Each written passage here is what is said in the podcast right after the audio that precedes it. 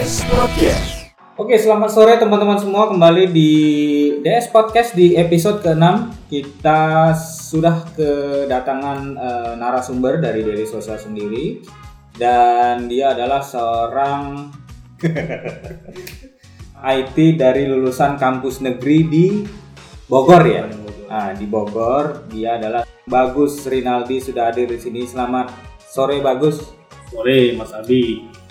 Dan eh, sore ini di episode ke-6 nih Gus, kita pengen gua kepengen bahas eh, seputar eh, AI, artificial intelligence. Nah, dari kacamata lu nih Gus sebagai IT lah ya di Daily Social dan lu udah paham banget mungkin ya.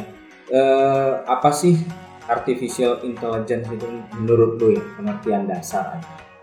Sebelum ngomongin pengertian dan istilah apa sih artificial intelligence, sebenarnya artificial intelligence juga sudah dikembangkan dari tahun 1950-an.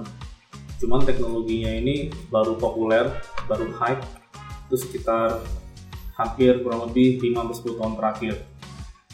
Nah, definisi artificial intelligence itu sendiri sebenarnya banyak sih yang yang yang, yang mendefinisikan misalkan kayak gue lihat ada uh, Minsky tahun tahun 9 dia bilang kecerdasan buatan adalah suatu ilmu yang mempelajari cara membuat komputer melakukan sesuatu seperti yang dilakukan oleh manusia. Ada lagi uh, Stuart J. Russell and Peter Novick di tahun 2003 dia bilang kecerdasan buatan adalah perangkat komputer yang dapat memahami lingkungannya dan dapat mengambil tindakan yang memaksimalkan peluang kesuksesan di lingkungan tersebut untuk beberapa tujuan Hmm. Sebenarnya sederhananya gini sih sederhananya itu kalau uh, dari kacamata gua nah itu sebenarnya itu teknik teknik dan ilmu untuk membuat suatu mesin menjadi cerdas terutama Oke. untuk program komputer Hmm. nah kecerdasan yang dimaksud itu adalah kecerdasan seperti yang dimiliki manusia sehingga Oke. sebuah komputer dapat mengambil tindakan untuk menyelesaikan masalah dengan pemikiran seperti seorang manusia Oh gitu. jadi tek, uh, ya harfiahnya begitu sederhananya Hmm, Jadi semua segala sesuatunya di eh, dibuat seperti manusia tapi bukan manusia yang menjalankan Iya. mesin ya. mesin Nah. mesin dibuat menjadi lebih cerdas Oke. Eh, kalau dari sisi lu sebagai IT nih di Daily Social ya, sebagai engineer ya, banyak sekali mungkin produk-produk yang dihasilkan eh, un- dari eh, dari suatu artificial intelligence, Ya. mungkin membantu perusahaan atau membantu banyak hal ya. Eh, yang menarik dari artificial intelligence itu apa Gus? Menurut lu, yang menarik? yang menarik itu banyak contoh kalau kayak di media sosial ya sekarang di media sosial kan lagi ngembangin chatbot juga Hmm.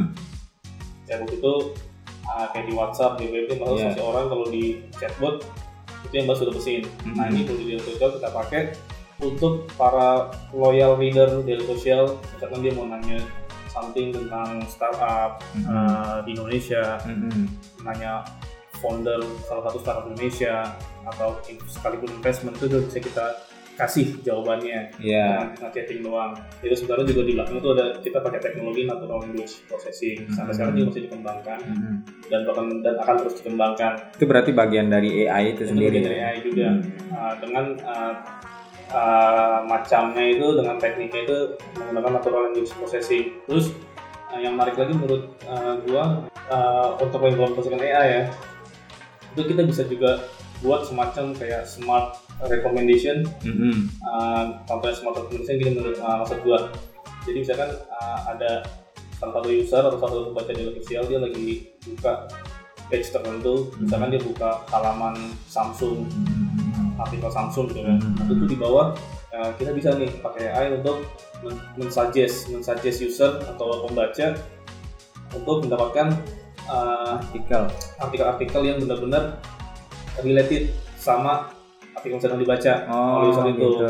Kalau dulu kan biasanya kan uh, user bacanya tuh eh dikasih suggest sorry dikasih suggest uh, dari dari komputer tuh berdasarkan tag misalkan tagging atau kan atau enggak Iya. berdasarkan kategori kan. Hmm. Nah, sekarang dengan dengan dengan implementasi AI itu kita bisa benar-benar uh, cari artikel yang benar-benar related sekali dengan artikel yang sedang dibaca sama user tersebut. Oh gitu. Gitu. Berarti eh, sekarang perkembangannya gitu pesat banget ya. Iya. Sampai sejauh itu dan eh, lebih menggampangkan sebenarnya, Ya. lebih memudahkan lagi lah intinya ya.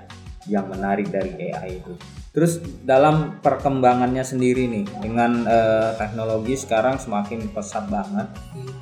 Di Indonesia sendiri menurut lu kira-kira udah siap nggak menerima perkembangan artificial intelligence? sekarang sih setahu gua di Indonesia perkembangan sudah sangat masif ya Mm-mm. sudah sangat uh, bahkan sudah banyak beberapa perusahaan lokal di Indonesia startup Mm-mm, mm-mm, yang sudah masuk ke ranah mm-mm. bisnis AI sebagai bidangnya ya gitu salah satu contohnya jasa lah ya jasa, Jasa. pembikin AI ya, itu ya. salah satu contohnya yang populer ya yang terkenal mungkin di Indonesia ada kata AI Ya. dulu terus ada nah dulu kata AI itu sebelumnya ya bos terus ada juga bang Doni gitu dan Mm-mm. banyak yang lainnya sih kemarin itu juga beberapa kali ikut seminar ada pemain-pemain baru yang memang mencoba main di di ranah AI Mm-mm.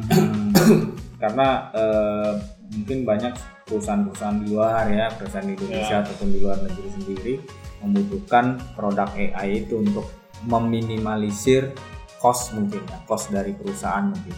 ya Mungkin pengganti dari si ini ya, eh, quality control atau itu bisa ya kayak misalkan contoh di kata AI Hmm. kata AI itu dia membuat platform chatbot Ya. layanan sebenarnya layanan eh, ya dia layanan chatbot sistemnya untuk kayak semacam customer apa ya customer support ya jatuhnya ya. Ya, nah kalau dulu kan customer support itu setiap user misalkan ada kendala ya, Nah, dulu mungkin selalu ya bisa sih via tanya via web atau via email bahkan via telepon kalau kan. dulu telepon ya. Nah, dulu kan ah, bukan dulu banget sih ya. Beberapa bulan tahun atau yang lalu kita masih tanya ini gue nggak bisa gini gini gini tolong dong feedbacknya tapi kendalanya rata-rata respon Iya. kan? respon yang lambat Teleponnya lah. Ya.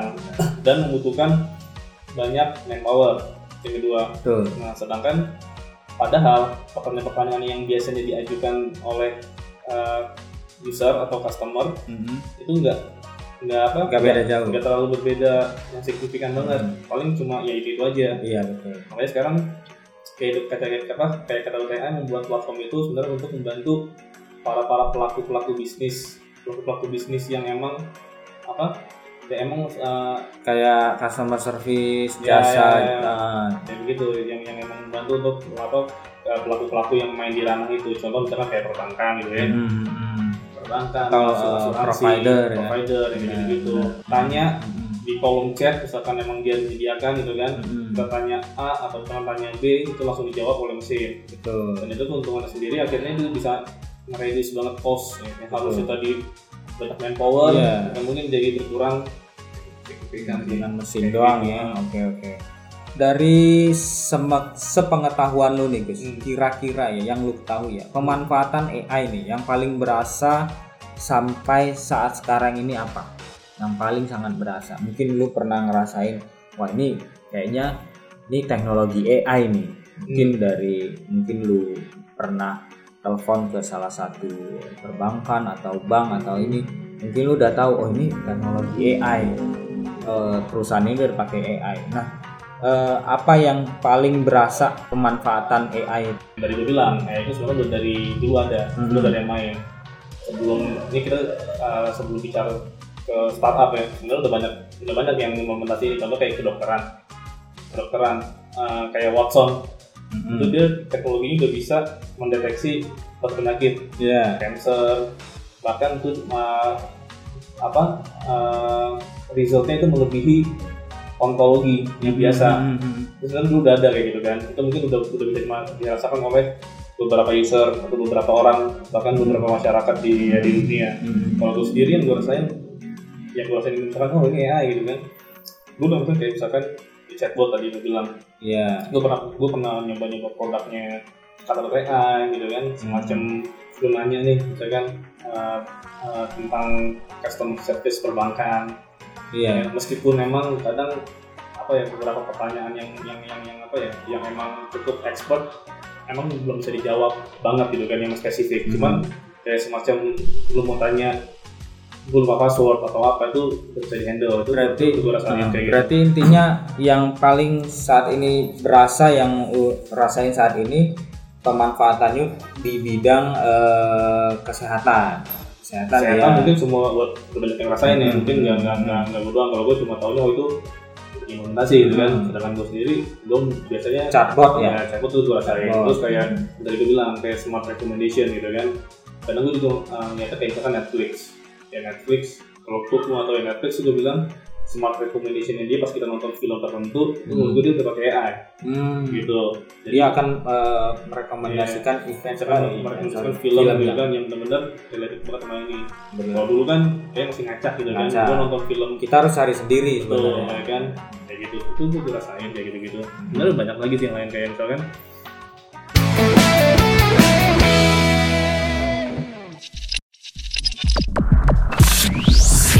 Follow us dailysocial.id. Subscribe to Daily Social TV.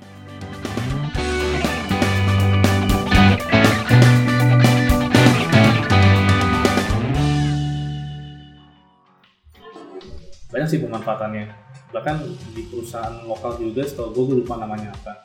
Itu dia udah bisa mendetek ya, udah bisa mendetek kayak jumlah apa jumlah pengendara Gojek atau pen- pengendara Grab yang lewat di jalan Gatot. Subroto misalkan atau Sudirman itu dari jam 3 sore sampai jam 6 sore berapa sih kendaraan lewat Trafficnya, trafficnya seberapa, seberapa gitu. padat. ya. traffic traffic itu sebenarnya juga udah ya meskipun gue belum yakin 100% ya cuma menurut gue itu pasti udah ada sedikit AI-nya sih yang misalkan mau ngomong itu traffic gitu kan sedangkan sekarang itu juga dipakai sama banyak berbagai ini juga kan perusahaan juga kayak misalkan perusahaan apa iklan yang di mobil-mobil tuh Mhm. itu kan dia untuk men-tracking Eh, eh, jarak dia dari jaraknya mana sampai mana. terus kepadatan kepadatan apa Traffic masyarakat ya kan sekelilingnya dia ya kan itu untuk Bener. untuk nanti buat kos dia kan kos bisnisnya juga Tapi kalau ditambahin mungkin kalau dari bidang teknologi ada robot ya, ada Ya, alat-alat robot. pabrik, Ya, mungkin ya. ada komputer sensor ya. ya sensor ya banyak kayak dari dulu sebenarnya udah ada Mhm. Kalau mungkin kalau dari bidang pendidikan ada e-learning ya, ya Hmm. benar. Ada perpustakaan online juga ya. Kalau kesehatan tadi udah mungkin sinar X untuk alat kedokteran ya, alat operasi jarak jauh jarak jauh deteksi kanker dan lain-lain Eh, terus kira-kira lu punya contoh mungkin satu atau dua gitu dari pemanfaatan AI mungkin udah kita bahas tadi ya, chat chatbot dan yang lain ya.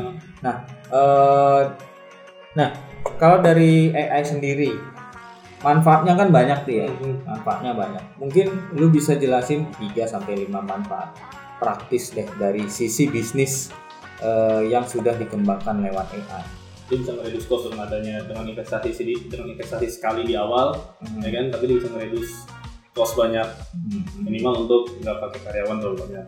Itu dari pelaku bisnis. Terus yang kedua manfaatnya yang jelas apa ya? Ya sebenarnya untuk masyarakat yang emang bener-bener eh, dia related sama produk yang dia pakai tuh pasti juga membantu banget. Yang tadi gue bilang gitu kan itu manfaat kedua juga. Jadi dulu orang mungkin apa mau nanya uh, suatu kendala perbankan harus ke bank atau harus nelfon sekarang udah bisa melakukan dengan chatting. Oh ya mungkin gue bisa tambahin lagi manfaat-manfaat artificial intelligence untuk bisnis. Misalkan kayak mesin pembuat report. Hmm. dulu kan apa uh, biasanya perusahaan ngebuat report tuh pasti dengan manpower gitu kan. Betul betul. Sekarang dengan parameter-parameter yang sudah di set di awal gitu kan. Hmm. dengan data-data yang udah emang banyak berulang kali masuk gitu kan. Itu nanti bisa dianalisa bisa kita buat kecerdasannya. Hmm. akhirnya udah menjadi mesin pembuat report otomatis. otomatis. Kayak gitu. Terus yang kedua kayak pembuat konten otomatis. Hmm. terus buat konten otomatis juga banyak juga macamnya gitu kan. Ya bisa bisa media gitu kan. Bisa bisa harus contoh kalau simpel kayak media deh. Kita buat konten otomatis. Dulu mungkin kita mau lihat nih misalkan uh, suatu artikel gitu kan panjang gitu kan. Sedangkan user nih pengennya nih gue mau tahu intinya aja gitu kan. Nah itu dengan adanya AI itu kita udah bisa langsung meringkas gitu kan. Betul. jadi jadi jadi satu uh, ringkasan artikel gitu kan yang inti. Kalau dulu kan kita masih mungkin masih masih manual gitu kan tulis di apa di fieldnya atau apa itu udah ada kayak gitu. Sebelum bisa diimplementasi lah dengan adanya AI dengan parameter parameter atau ya algoritma algoritma yang udah ada sekarang. Betul. terus yang yang tadi gue bilang apa reduce cost gitu kan. Dan apa menghindari kerjaan double ya untuk industri-industri yang besar. Seperti itu lah gue Iya ya. Kalau eh, iya sih kerjaan kadang-kadang kalau dikerjain dengan eh, dengan manusia juga eh, data juga kadang bisa hilang, bisa Iya. lupa, Hmm. nggak terrekor atau Hmm. dia eh, dulu nulis di kertas atau Hmm. di laptop, laptopnya Hmm. hilang, Hmm. bisa hilang kan, bisa bisa hilang bisa kerja kerjaan kita jadi Jadi double gara-gara nyari nyari data itu. Nah sekarang juga bisa digampangkan dengan teknologi AI. Mungkin ada eh, sedikit, oke eh, saat ini Gus eh, dengan kemajuan teknologi yang begitu pesat. eh, kita kan sekarang apa-apa segala sesuatunya eh, nggak bisa jauh lepas dari handphone. ya Hmm, hmm. bangun tidur sudah ada handphone, lihat handphone, semua pakai pakai aplikasi dan yang lainnya lewat handphone. Nah, dari sisi uh, artificial intelligence, nih ya, manfaat apa nih yang bisa lu kasih tahu ke uh, pendengar DS podcast untuk pengguna smartphone? Manfaat artificial intelligence. bicara smartphone Mhm. berarti kan aplikasi kan lu sebenarnya juga ya eh, kalau kalau dari gua sendiri ya Mhm. yang menurut gua ini AI gitu di aplikasi smartphone yang apa di aplikasi yang di smartphone gua misalkan kayak gua mau nyari judul lagu gitu kan tapi gua uh, gua dengerin lagu cuma gua nggak tahu ini lagunya siapa gitu kan Iya. akhirnya gua dengan dengan cuma nyalain suaranya doang gitu kan Hmm. itu aplikasi itu udah bisa Bisa munculin muncul judul lagu, sama penyanyi. itu AI gitu kan nah itu bisa kayak gitu nggak nggak cuma ibaratnya apa simsalabim enggak gitu kan Mhm. banyak data yang masuk Iya. diolah terus ya kan Diolah belajar terus. terus ya kan pakai machine learning juga kayak gitu salah satunya itu terus yang kedua yang yang yang semua orang mungkin nggak sadar gitu kan kayak prediksi teks gitu Iya. kan kalau misalkan lagi ya ada tuh kalau di keyboard tuh ya kan Mhm. gue sih bete makanya kan kadang kalau misalkan prediksi teks tuh kadang misalkan gue ngetik apa yang gue mau kadang akhirnya jadi berubah sendiri gitu kan sendiri. ya terus Iya. sebenarnya tuh prediksi teks juga misalkan lu kayak menulis misalkan uh, LOF gitu kan misalkan L- LOF jadi misalkan tiba-tiba dia udah langsung jadi love gitu kan Iya. Kayak gitu itu Ah. itu sebenarnya ya, AI juga karena dia bisa gitu pasti ada data kan. Mhm. terus kayak asisten suara Iya. di iPhone pasti orang udah pengguna pengguna iPhone pasti tahu namanya Siri Iya sih. ya kan itu salah satu yang dari AI juga Nah, kalau di Android mungkin Google. Google Voice ya ah. Google Voice ya Iya. Google Voice itu ya salah satu yang mesti AI juga Mhm. terus mengubah suara jadi teks gitu ya Iya benar. itu di smartphone kayak gitu banyak sih ada klasifikasi foto otomatis Mhm. ada ada catatan kalender otomatis juga setahu gua terus Iya, sampai iya. klasifikasi email saran rute itu Semua udah uh, berbasis AI ya. ya dengan AI dan ditambah dengan algoritma-algoritma machine learning yang yang diimplementasi Cuma kadang kalau uh, mereka kayak saya lah ya, orang-orang awam di luar sana tuh nggak tahu kalau itu AI. gitu. Iya. Karena mereka asal pakai, tahu aja ini manfaatnya untuk apa ya sudah gitu. Tapi itu dikembangkan lewat AI ternyata.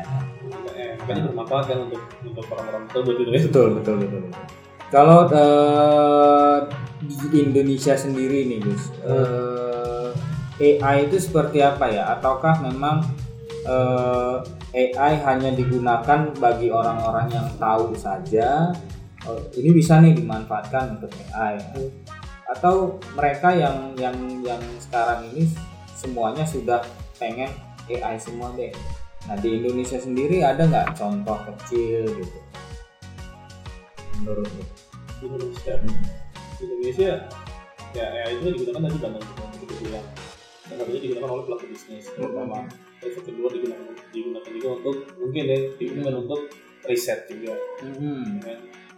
Itu pasti. Terus yang kalau dari usernya sendiri yang pakai AI tadi itu udah banyak. Hmm. banyak yang pakai produk-produk yang emang related sama kebutuhan mereka gitu kan. Iya. kayak misalkan tadi yang gue bilang chatbot dan lain sebagainya. Terus ada juga mungkin smart home gitu kan smart home yang dicampur sama AI dan machine learning gitu kan Hmm. dia bisa ya tadi mau kayak sensor lampu gitu Ya. kan kalau misalkan malam dia Dia nyala mati ya kan, sendiri, mati sendiri atau gitu kan. dengan suara klik suara dengan suara, suara kita apa itu dia Ah. bisa mati gitu kan Hmm. untuk itu bisa diimplementasikan kayak untuk smartphone smartphone yang yang yang yang udah ada di Indonesia kayak gitu Hmm. banyak kok user-user yang udah implementasi ke arah sana mungkin kalau bocoran eh, produk dari Samsung nih bakal ngebikin smartphone smartphone berbasis AI gitu. ya Ya. semuanya ini sih bocoran sedikit lah ya dari dari dari si Samsung mereka akan ngebikin semua eh, smartphone itu eh, lewat AI Ya. televisi, mau Televisi. microwave pokoknya perlengkapan rumah akhirnya. tapi ya mungkin kita tunggu aja ya siapa tahu di Indonesia juga bisa berkembang dan dibutuhin lah mungkin nah oke Gus Eh, kita kan tadi udah banyak banget nih ngebahas dari sisi manfaat manfaat dari sisi bisnis terus pengertian dasar dan berbagai macamnya tentang seputar AI. Mungkin ada beberapa dampak positif yang mungkin bisa lu eh, kasih ke pendengar DS Podcast eh, dari sis- eh, dari artificial intelligence sendiri. Ada nggak kira-kira? Banyak kayaknya ya. banyak sebenarnya itu udah kita bahas kan baru Hmm. hmm. kita bahas ya mungkin di sini gua gua gua coba bakal share uh, dampak positif beberapa beberapa dampak positif AI Hmm. mungkin untuk lebih ke orang yang belum orang ketahui sih Hmm. Gitu Uh, misalkan contohnya yang pertama nih uh, memberikan penyederhanaan solusi untuk kasus-kasus yang kompleks Hmm. Nah, itu Contoh maksudnya mungkin maksudnya itu begini Hmm. untuk uh, maksud dalam menjer- memberikan penyederhanaan itu gini AI itu kan dibuat untuk menyelesaikan masalah Ya. ya masalah yang mungkin manusia manusia itu belum bisa memecahkannya nah ini pernah suatu kasus AI ini bisa menyelesaikan soal matematika yang dituntut orang atau manusia bisa ngerjain Hmm. nah itu kan dengan keberadaan AI itu jadi diharapkan dapat membantu manusia untuk menyelesaikan permasalahan yang kompleks nah dengan begitu manusia itu dan AI dapat bekerja sama Iya betul. gitu. terus yang kedua ada penghematan waktu menyelesaikan masalah yang kompleks Hmm. dari sisi eh, waktu Hmm. dan dan yang lainnya mungkin bisa lebih bisa lebih dihemat cepat bisa lebih cepat mungkin manusia ngerjain ya. itu Hmm. itu membantu banget ya itu Hmm. terus meninggalkan produktivitas kerja Iya. contoh ya misalkan ya misalkan di pabrik udah dibantu sama robot-robot robot gitu kan Nah, yang dulu mungkin benar-benar manusia yang ngerjain gitu kan Contoh mungkin kalau pembuatan mobil dan yang Oh, lainnya. mobil, ya. Kalau dengan manusia mungkin dalam sehari atau sebulan bisa ngerjainnya paling 50 Hmm. mungkin ya. Kalau dengan eh, AI mungkin udah bisa lebih cepat Lebih cepat. Nah, yang harusnya sehari bisa terjual eh, cuma terjual 50 mungkin dengan adanya AI bisa terjual 100 unit atau 1000 unit benar bahkan benar kayak gitu benar. terus Eh, ada lagi Ah. ya mung- mungkin ya mungkin tuh terus, ada lagi eh, contoh yang tempat memungkinkan penggabungan berbagai bidang pengetahuan dari berbagai pakar itu maksudnya tuh gini cara kerjanya itu sebenarnya tuh ngolah data ngolah, Hmm. ngolah data yang ada sebagai sumber belajarnya jadi dengan begitu pengetahuan yang diinput oleh berbagai pakar melalui engineer kayak AI itu dapat diolah dan digabungkan untuk menjadi sumber belajarnya Oke. jadi cukup keren sih menurut gue Subscribe to Daily Social TV. Oke Gus, berikutnya mungkin lu eh, ada tambahan nih lagi dari eh, dampak eh, positif dari artificial intelligence. pengetahuan dari seorang pakar itu dapat didokumentasi tanpa batas Oke. dulu dengan adanya AI karena kan bagaimanapun kan ingatan manusia itu terbatas Hmm. ya dengan adanya AI pengetahuan yang ada kan terus dapat diingat kayak gitu sebenarnya Paling enggak eh, di bukan disimpan ya, ya disimpan, Disimpan, oleh jadi disimpan oleh AI ya. dapat dijadikan dokumentasi yang baik juga kayak gitu Mungkin terakhir nih Gus, kalau di Indonesia sendiri sudah ada nggak sih eh, sumber daya lah bisa dibilang pengembangan eh, produk artificial intelligence ini sendiri? Ya. menurut lu? di Indonesia sendiri ya di Indonesia sendiri gue juga salah satu yang masih belajar gitu kan Hmm. belum expert juga Hmm. Bilang ini juga belum kan mungkin masih benar-benar mulai gitu kan Hmm. sebenarnya kalau dilihat dari SDM uh, mungkin akan terus bertambah Ya. kan ah terus bertambah soalnya kan AI ini kan emang baru ya gitu kan di Indonesia gitu kan Jadi, uh, apalagi apalagi yang untuk mencoba menjadi ekspor gitu kan Hmm. di situ uh, resource nggak dituntut cuma bisa pemrograman doang Betul. Uh, mereka tuh juga dituntut harus punya matematika yang apa ya yang fasih juga Betul. gitu jadi kayak Matematika dasar. ya matematika ya matematika statistik gitu kan tuh Hmm. jadi dia itu juga harus dikuasain kalau dia mau menjadi expert di AI gitu kan karena kan cuma gak sekedar pemrograman tok gitu kan kayak bikin aplikasi kan itu juga tuh harus harus bisa menganalisa datanya model bisnisnya dan dan lain sebagainya cuma sekarang di Indonesia untungnya gitu kan kabar kabar bagusnya udah banyak kayak bukan lembaga ya kayak perusahaan-perusahaan yang emang atau lembaga yang emang udah menyediakan khusus training atau belajar gitu kan contohnya kayak algoritma gitu kan Hmm, ya seperti itu lah ya pokoknya gue sih berharap SDM-nya resource-nya untuk mengembangkan AI itu makin tambah ya, terus ya, tambah terus lah terus. Ya salah satunya lu ya. Yang iya. Sekarang ini dengan mengembangkan eh, Minerva ya di. Daily Sosial Hmm. gitu. Eh, jadi itu aja Gus mungkin ada tambahan lagi sedikit Ya, dari lu cukup kayaknya ya cukup ya. untuk untuk ya Hmm. sekedar AI gitu apa gitu Iya karena artificial intelligence sendiri kayaknya lebih banyak ke teknis ya dan dan mungkin ngobrolnya kalau di podcast kurang. Hmm. Mungkin kita harus belajar ketemu langsung ya iya, atau iya. uh, praktis langsung latihan gitu ya di depan komputer, laptop dan ada gurunya ya.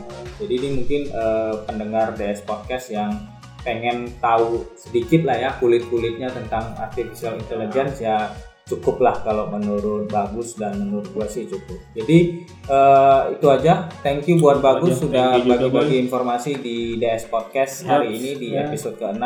Hmm. Jadi nanti mungkin kita ketemu lagi di episode berikutnya. siap Nanti aku undang lagi mudah-mudahan bagus eh, ada waktu nih karena yang saya lihat juga dia banyak sekali kerjaannya ngembangin produk terus di daily sosial. Terima kasih Gus. Sama-sama Kita ketemu lagi.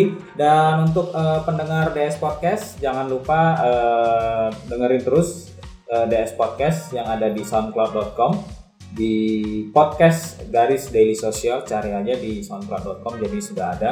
Kalau yang kepingin tahu atau eh, kepo-kepoin eh, daily social bisa ke websitenya di dailysocial.id atau bisa di Facebooknya juga. Lihat-lihat kita di daily social eh, daily, sos- eh, dailysocial.id ya di Facebook. Terus di Twitter juga ada. Kita sering ngebagi-bagi informasi juga di @dailysocial terus ada juga di Instagram di @dailysocial eh, underscore id terus di YouTube juga ada kalau eh, mau nonton konten kita yang eh, lebih visual. Ada TV. discussion ada des discussion ada DS Tour terus ada open box ya ada Tech Five juga banyak sekali Hmm. bisa buka aja di YouTube di Daily Social TV. Dan terima kasih buat pendengar DS Podcast. Nanti kita ketemu lagi di episode berikutnya. Iya, jangan lupa senyum dan tertawa. Sebelum tertawa itu dilarang. DS Podcast.